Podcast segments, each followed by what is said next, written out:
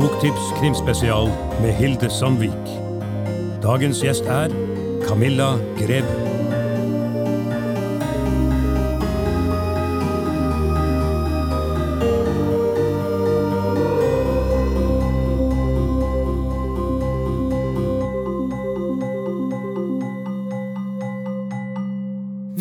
Til krimfestival. Mitt navn er Hilde Sandvik, som sitter her nå altså med Camilla Grebe. Camilla Grebe er VD-en som eh, begynte å skrive bøker sammen med sin søster, og allerede den første solgte til 50 land og ble solgt i 1 million. Velkommen altså til deg, Camilla Grebe. Tack snälla, jättekul att vara här. Ja, nu, är, nu hade jag nästan hoppat att du låg i sängen och snackade med mig. Förstår du varför jag säger det? Att jag låg i sängen? Varför det? Ja, för att jag har läst att det är en måte du älskar att jobba på. Jag tänkte, där ja, har vi nog fälles. Ja, ja. Jo, men alltså jag, jag, ehm, jag ligger ofta ner och skriver. Eh, kanske inte så ofta i sängen, det händer, men eh, allra helst i soffan faktiskt. Jag tycker det är ganska bekvämt. Du ligger i soffan och skriver. Ja. Och, och du, du slutade, alltså du hade ju en karriär för du började att skriva och, och den första boken skrev du samman med din, din syster, men det gör ja. du inte längre. Nej, det gör jag inte. Åsa och jag vi skrev fem böcker ihop och eh, det, var väldigt, eh, det var väldigt kul och spännande och vi kom varandra väldigt nära under den tiden. Eh, jag har också skrivit tre böcker tillsammans med en, en vän som heter Paul Leander Engström. Men sen kände jag att det var dags att pröva vingarna själv och eh, skriva på egen hand. Eh, och det är det jag har gjort de senaste åren och det passar mig väldigt bra också. Och det ser ut till att läsarna verkligen sätter pris på det. Du har fått den högst hängande svenska ja. krimprisen, Dekarprisen, Dekarakademiet två gånger, är det det? Mm, mm. Ja. Det har jag ju. Och, eh, och det nordiska priset.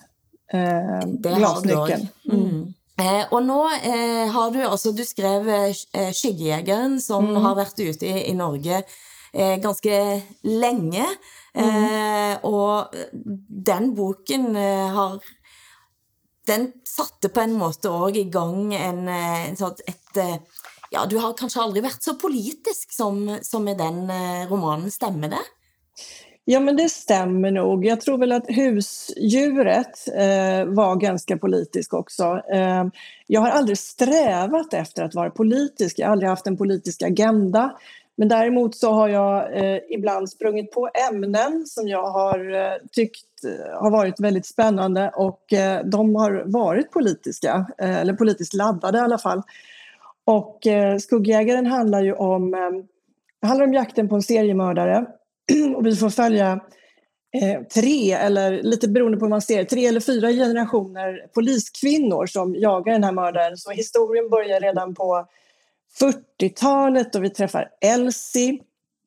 Elsie jobbar som polissyster för på 40-talet så fick kvinnor inte bli poliser i Sverige.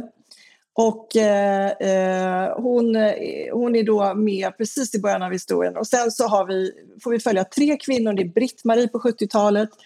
Det är Hanne som vi känner från tidigare böcker på 80-talet och det är Malin i nutid. Och de jobbar med den här mördarjakten. Ehm, och ganska snart så insåg jag att en, en, eh, en sån här historia som sträcker sig väldigt lång tid gör, öppnar också upp för möjligheten att berätta om andra saker än, än själva mordhistorien. Och I det här fallet så vill jag berätta om hur, hur kvinnliga poliser har haft det i Sverige eh, under de här olika decennierna. Eh, därför att de har haft det ganska svårt, det kanske man inte, inte tänker på idag. Eh, men eh, när jag, så fort jag började göra research om det här så upptäckte jag att det var, de var starkt ifrågasatta långt in på, på 70-talet. Vilket gjorde mig jätteförvånad för på 70-talet var jag barn och jag har alltid upplevt eh, mig och kvinnor i Sverige och Norden som ganska jämställda. Men det kunde man se när man hittade artiklar att de var väldigt ifrågasatta och främst var de ifrågasatta av sin egen fackförening. Eh, för man tyckte då att eh, om, om kvinnor blev poliser eh, eh, så här var det ju så här att poliserna patrullerade, de patrullerade två och två. Och då menade man att om en kvinna var ute och patrullerade med sin manlige kollega och någonting hände, de sprang på en, en bov, så skulle ju mannen vara tvungen att försvara kvinnan innan han kunde ingripa. Och om han körde bil så kanske han blev distraherad av sin vackra kollega och körde av vägen. Det var jättemånga konstiga argument. Och jag kände att det var ingen alltså, som riktigt... Ingen har liksom skildrat det här. Så eh, det var ett sånt guld, en guldgruva, jag kunde inte låta bli. Nej, altså jeg må innrømme, for jeg har nemlig en tante som er politi, og ble ja. politi da, altså på, på 70-tallet. Ja. Eh, og og har sagt nøyaktig det samme, altså. Eh, ja. I starten, da hun jobba som eh, politikvinne, så var det bare Hun var mm. den eneste kvinnen. Ja. Eh, og ble, ble, plassert til å gjøre kontorarbeid eller de Sykkeltyveri, altså. Ja. Eh, og det, det, kom litt sånn overraskende på meg òg, at, at, det var på, på den måten. Eh, har det Eh, det, men dette er jo, det er jo en krim, og det er, det er ja. altså en massemorder som har gått løs eh, ja, over lang tid. Eh, og eh, hva tror du det var som gjorde at denne boken traff sånn, med både plottet og traff leseren med gru på mange måter? Jag tror, väl att det är, jag tror väl att det är blandningen av, av en, en eh, förhoppningsvis riktigt spännande deckare, krim, Eh, men som också ger lite mer i form av historia och den väcker... Eh, alltså den gör att man tänker efter och funderar förhoppningsvis långt efter man har lagt den ifrån sig. Det var, det var ju det jag ville. Jag tycker att det är fantastiskt att, att skriva krim för att man kan det är ju som ett format och inom ramen för det formatet så kan du hälla i nästan vad du vill. Alltså det kan, man kan skriva en kärlekshistoria eller det kan vara samhällskritik. Ehm, det kan vara ett poetiskt språk. Och jag, jag har i alla fall alltid haft ambitionen att göra mer än att skriva själva deckarhistorien. Det är inget fel att göra bara det, men jag, jag vill göra mer. Och eh, i det här fallet så var det det historiska jag ville få, få in här. Nu är det ju, det är ju samtidshistoria, vi, vi tittar inte långt bak i tiden, men, men trots det. Och kanske just därför så, så blir det så förvånande att det, att det, var, så, att det var så annorlunda. Uh, men det var inte så länge sedan. Den måten du driver research på, kan du säga lite om det? Ja, alltså det, det beror ju på vad det är för sorts bok. Därför att den boken som jag som kommer nu här i vår, den har inte alls krävt lika mycket research. Där har jag pratat med poliser och åklagare och rättsläkare och de har läst manus och så vidare. Men eh, Skuggjägaren, den krävde enormt mycket research. Så jag satt i källaren på Kungliga biblioteket i Stockholm och läste och googlade artiklar, sökte artiklar och läste dem och jag läste avhandlingar jag läste böcker men jag tyckte ändå inte att jag liksom kom tillräckligt nära sanningen. Så att jag letade upp tre kvinnliga poliser i olika åldrar där eh, en är eh, 76 år gammal, en är ungefär 60 och en är 40. Och sen intervjuade jag dem om deras, om deras yrkesliv eh, och hur, hur det har varit att vara kvinna och polis.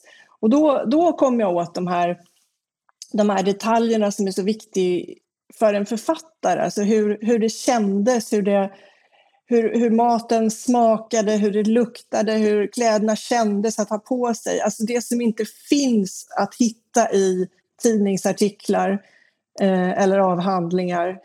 Eh, det var den äldsta av de här kvinnorna, Siv, hon berättade att när hon eh, skjuttränade så hade man en eh, sån här eh, tomhylsa i, i vardera örat för att stänga ute ljudet. För man hade inte hörselkåpor på den tiden.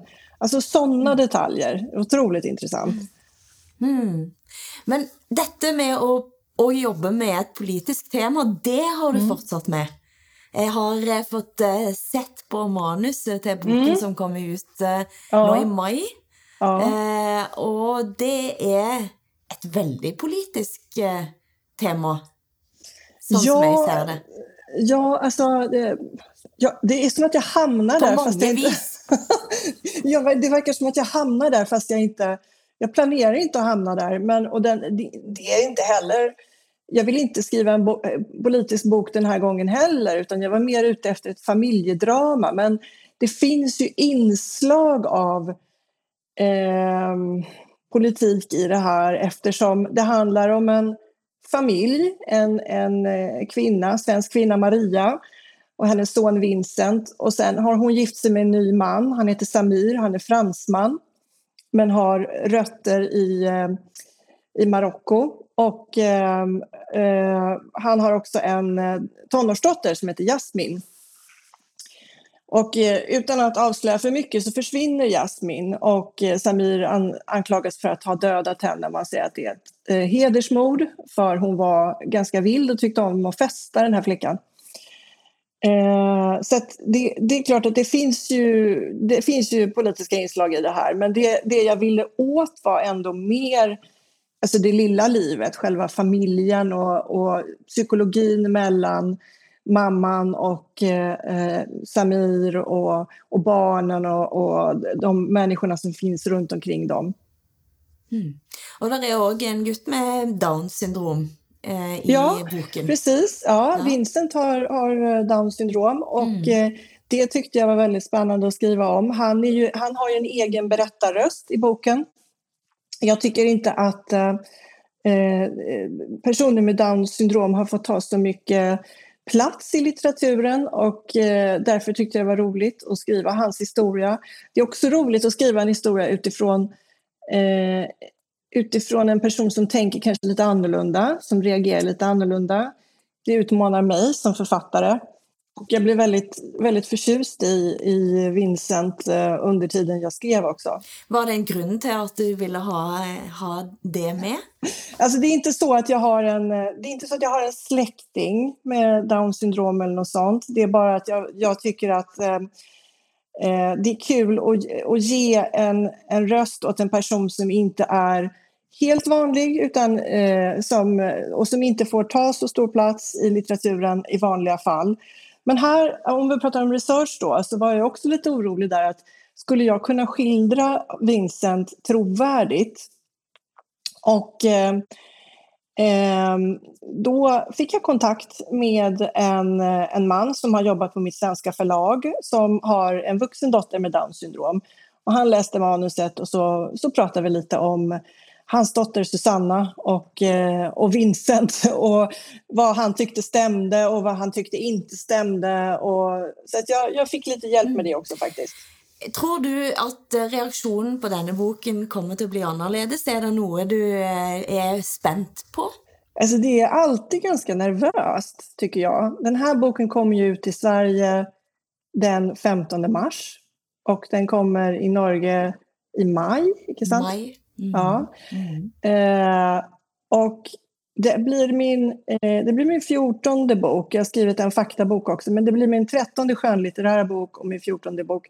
Men det är lika nervöst varje gång. Kanske var det lite mer nervöst första gången. Men, men jag är fortfarande nervös. Det är som att man inte... Man, inte, man vet aldrig riktigt om texten håller förrän, förrän läsaren har... Förrän den har träffat läsaren. Eh, och det där, det kommer jag, så kommer det alltid vara, tror jag. För mig i alla fall. Och vad är det som, när, hvis man är nervös, alltså, är det för att man ska nog säga att nej, nu har hon tappat det, eller eh, ja. vad? Ja. ja, det är ju mardrömmen. att man liksom inte, att man vaknar en morgon och inte längre kan skriva, det är ju mardrömmen. Eh, nej men det är ju att, att, eh, att, man inte ska ha, att jag inte ska ha lyckats med att skriva en riktigt bra bok som, som underhåller och, och ställer frågor och väcker, väcker tankar hos läsaren. Det är ju det, är det jag vill. För någonstans är det ändå så att när jag skriver någonting, det är ju, jag ber ju om läsarens tid. Jag ber ju att han eller hon ska upplåta en del av sitt liv åt att läsa min bok. Och då måste jag ju, jag känner verkligen ett ansvar, då måste jag ju skriva någonting som verkligen är intressant och bra. Um, och om, om jag inte gör det, då har jag inte gjort mitt jobb. Och då, då, blir, jag, då blir jag ledsen och besviken. Så det, ja, det är alltid nervöst. Men det är titeln på den sista boken, Alla ljuger eller Alla mm. lyver eh, mm. på, på norsk, den mm. bär ju i sig mycket dubbelt. da. Mm. Eh, var kom den ifrån?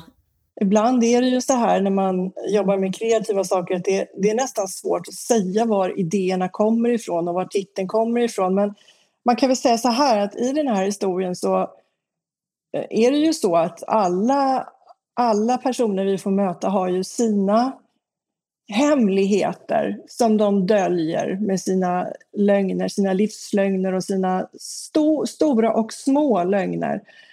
Eh, så alla ljuger ju eh, och det är väldigt mänskligt för att alla vi människor ljuger och det finns många skäl till det. Det kan vara att man vill skydda någon, det kan vara att man skäms, det kan vara att man är rädd. Eh, men i den här historien så får det väldigt stora konsekvenser. De här lögnerna som till en början är väldigt små och oskyldiga växer och får oerhörda konsekvenser. Och så blir det ett kammarspel, rätt och slett. Ett ganska ja. tätt lite mm. kammarspel ja. eh, i, i en liten familj som mm. eh, Jag ska inte röpa för mycket. Mm. Eh, men eh, vad vill du att läsaren ska sitta igen med? Eh, jag vill ju... Um, jag, har ingen, jag har ingen direkt agenda. Jag vill, jag vill underhålla, men på, på ett sätt där jag också väcker frågor och tankar och funderingar Eh, och eh, jag vill också spegla lite av, av världen och samhället idag, vad som händer i vår omvärld. Eh, och det är ju det är där politiken på många måter kommer in. Ja, det är där jag lurar på, det är där jag lurar på om, det, om det kommer att bli sett på som kontroversiellt. Ja, ja det... Det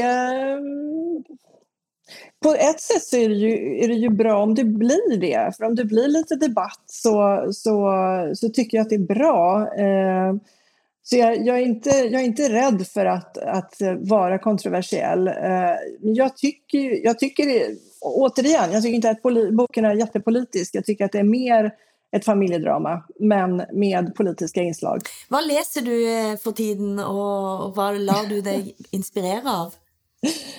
Ja, men jag läser Visst, du läser andra? Äh, ja, ja, gud, jag läser jättemycket. Och äh, jag läser ju mest spänning. Äh, jag läser nästan uteslutande skönlitteratur.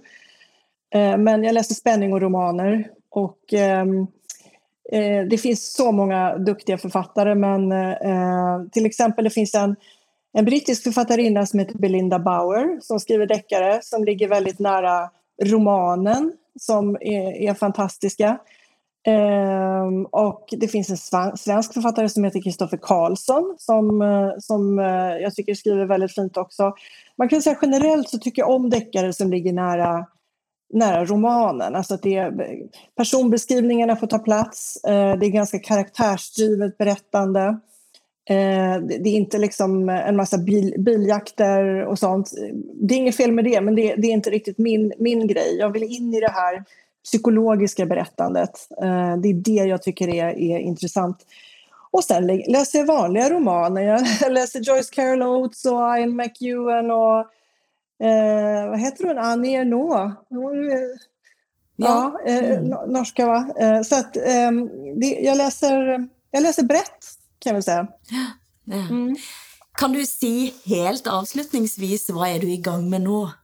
Nu är jag i den fasen att jag ska precis börja skriva nästa manus. Så att jag har skrivit, jag har skrivit ett synopsis, som vi kallar det, som är som en sammanfattning av berättelsen. Eh, den är ungefär det är 20 sidor långt sådär. Eh, och nu ska jag börja skriva själva boken. Eh, där är jag.